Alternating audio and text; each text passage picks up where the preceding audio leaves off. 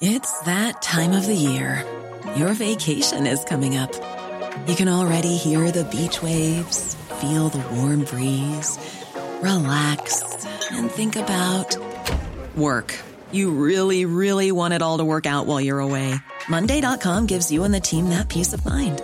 When all work is on one platform and everyone's in sync, things just flow wherever you are. Tap the banner to go to Monday.com. When you're ready to pop the question, the last thing you want to do is second guess the ring. At Bluenile.com, you can design a one of a kind ring with the ease and convenience of shopping online. Choose your diamond and setting. When you find the one, you'll get it delivered right to your door. Go to Bluenile.com and use promo code LISTEN to get $50 off your purchase of $500 or more. That's code LISTEN at Bluenile.com for $50 off your purchase. Bluenile.com code LISTEN. Velkommen til aksjepraten her i Finansavisen. Med meg har jeg aksjekommentator eh, Karl Johan Målnes. Og eh, Karl Johan, i dag er det veldig lite som eh, skjer på Oslo Børs. Så da bare beveger vi oss rett over Atlanteren med en gang. For i går så kom Amazon tall som var gode. Aksjen er opp 10% Hvorfor det? Årsaken er at de guider for 13-17 eh, salgsvekst eh, i inneværende kvartal. Og det er eh, drevet av da skytjenester, altså data, i databehandlingen, og AVS, og online. da.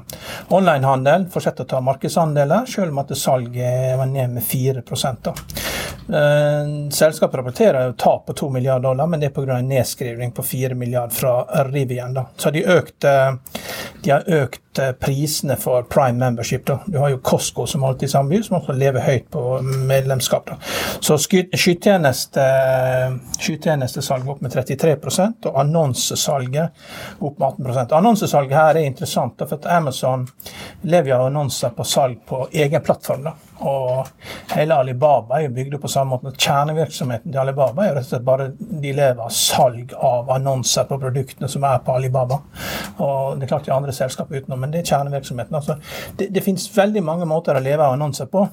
Og eh, den eh, virksomheten som Amazon gjør, den går veldig veldig bra. Så det annonsemarkedet er utrolig fragmentert. Noen gjør det veldig bra, noen gjør det veldig dårlig. Er Amazon en aksje som kan være smart å eie inn i, måte, inn i, inn i resesjon? Eh, nei, jeg tror ikke jeg ville gjort det. Det, det er derfor det er for mange ting eh, altså Skytjenestene som de har, da, det, det, det er helt klart tegn som tyder på at det er priskonkurranse på gang. Vi skal snakke senere om Intel også, så det er helt klart at det, i, i, i, i, grensesnittet av datatjenester så er det eh, ytterst i løken så er det selskaper som har store problemer. og eh, Det kommer til slutt til de selskapene som er innerst i løken. Og så er det også sånn at vi, når du bygger opp datakapasitet, selger det til andre, så, så, så på en måte du frontrunner eh, den kapasiteten som de, de trenger. F.eks. Shopify i Canada, når de kommer ut og sier de at eh, nå kutter vi kapasiteten med antall ansatte med 10% og Da har du kanskje tidligere kjøpt 10% økt kapasitet med 10 Så ser du at du trenger ikke det du har kjøpt, og så må du kutte tilbake. Og Det skal vi se også med Intel, som snakker om justering av lager. Altså, det vil komme en situasjon der hvor plutselig så stopper veksten opp, og så får du null i vekst. Så Nedgangskonjunkturen kommer til Amazon også, så det, eh, det, er viktig å huske på. Du hadde jo litt det samme, enda mer ekstremt da, i, eh, hvis du så på de selskapene som bygde produksjonslinjene for Nokia. da, Så var det et selskap som het Jot Automation. Så Hvis man besøkte Jot Automation, så kunne man liksom vite da hvordan det gikk med veksten til Nokia på ekspansjon av, av eh, bygging av mobiltelefonkapasitet. Og de hadde, Det kom også opp et selskap ved siden av det som heter PMJ Automac, og det kalte man da for Poor Man's Jot. Så her er det her er det sånn at Hvis man følger de selskapene som, eh, som, leverer tjenestene som driver den sterkeste veksten, så får man gode indikasjoner på hva som skjer i selskapene. Det er jo alltid sånn at eh, Skal du forstå en aksje, så, du, eh, så er det mye, mye, viktigere. og Det viktigste når du skal lese om det selskapet, så er det fotnotene. Og så er det det som skjer rundt selskapet, for at du skal kunne forstå det. Når du forstår alle selskapene, hvordan de fungerer sammen, så vil du også kunne forstå eh, en enkelt aksje. Fordi at, og begynner man analysere en aksje og se på regnskapene og forstå det selskapet alene, det er veldig veldig vanskelig. å forstå hvordan alles forretningsmodeller eh, fungerer i forhold til hverandre inn i et stort marked. Og For annonser så er det veldig komplisert, og Amazon er helt klart en vinner i det markedet. En annen aksje vi må snakke om, er Apple, som også ja. la frem tall i går. Hva er din vurdering av den uh, rapporten? Ja, Det er jo eh, en god rapport. Eh, bedre enn frykta. Og, og, og aksjen er opp med 3 salgsvekst på 2% og, Men net profit er jo ned med 10 da. Men det var bedre enn forventa. iPhone-salget er opp med 3% det er, jo, det er jo halvparten av salget til selskapet. da, 41 milliarder til sammen. da. Det, det positive er jo rekordmange bytter fra Android til iPhone. da, og Det, det har jo med sikkerheten folk føler ute i verden. at det er folk som føler at det ikke er så trygt å ha eh, Android Eh, så ha, ha, Android og skifte til iPhone. Så Det er jo en megatrend. Som, det er kanskje den viktigste enkeltfaktoren som kan løfte det. Men det er klart her er det, det er bare 10% av inntektene i Apple som gjentar seg hvert år, så de må selge, må selge utstyr altså hvert år. 90% av inntektene er nytt salg av iPhone og iPads og iMacs. Og, så det er, eh, det, er, eh, det er en sårbar businessmodell, det også, når, når det, hvis det er et eller annet som ikke stemmer helt. Altså, så når du har en market cap på 2,5 trillion, og du har PE på 5-26, eh, 25, eh, 26 for i år og 25 neste år, kanskje 23 justerer for alle cashen ja, så er det likevel eh, det er ikke en aksje man skal løpe og kjøpe. Det, er et fantastisk suksessfullt selskap, basert på et produkt som kom i 2007, som vi ikke engang visste vi trengte da.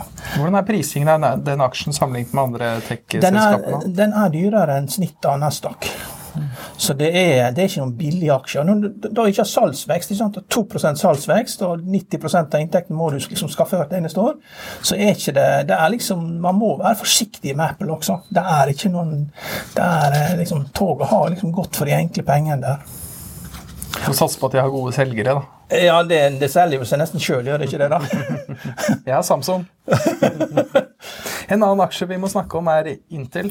Ja, der eh, kom det der, Det var bombskjell, rett og slett. bombe, altså tok jo inntektene ned med 17% og de guider også ned 3Q-inntektene med 17 og Totalt så guider de ned inntektene i år for 11 milliarder dollar. Da. Og EPS eh, e eh, guides liksom ned med, med, med 60 da. Så det er her, her er mye gått galt. Og de sier at kunden har justert varelageret sitt, og det er en sånn engangseffekt hvert tiende år. Og dette her er, Intel var helt klart den ledende på chips. Det har de totalt mistet.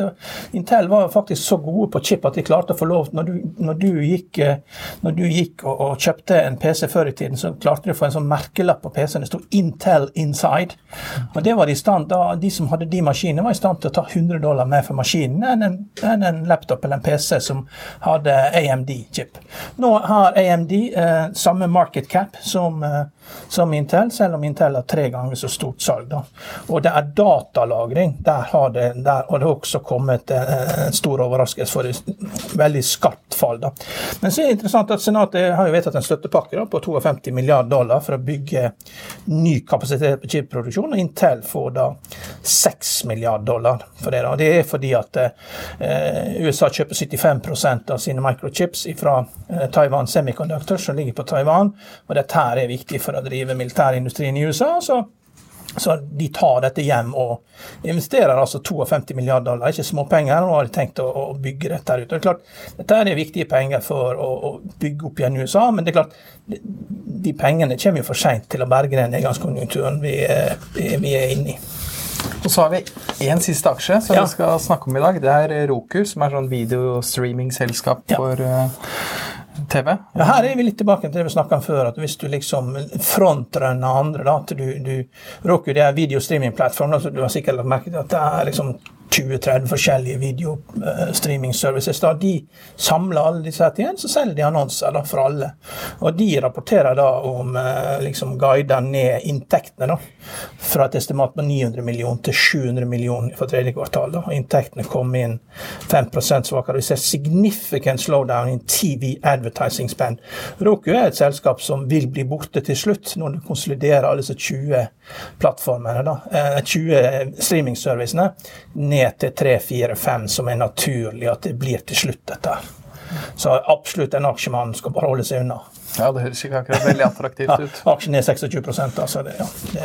Nei, så Man må holde seg hvis man skal eh, det, Innerst i løken er det fortsatt eh, ingen nedgangskonjunktur, men, men alle merker dette til slutt. da.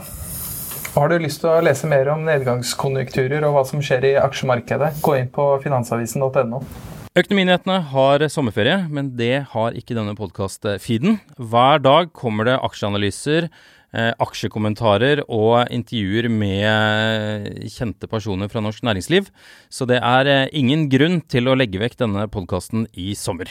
Økonominyhetene er en podkast fra Finansavisen. Programledere er Marius Lorentzen, Stein Ove Haugen og Benedikte Storm Bamvik. Produsenter er Lars Brenden Skram og Bashar Johar. Og ansvarlig redaktør er Trygve Hegnar.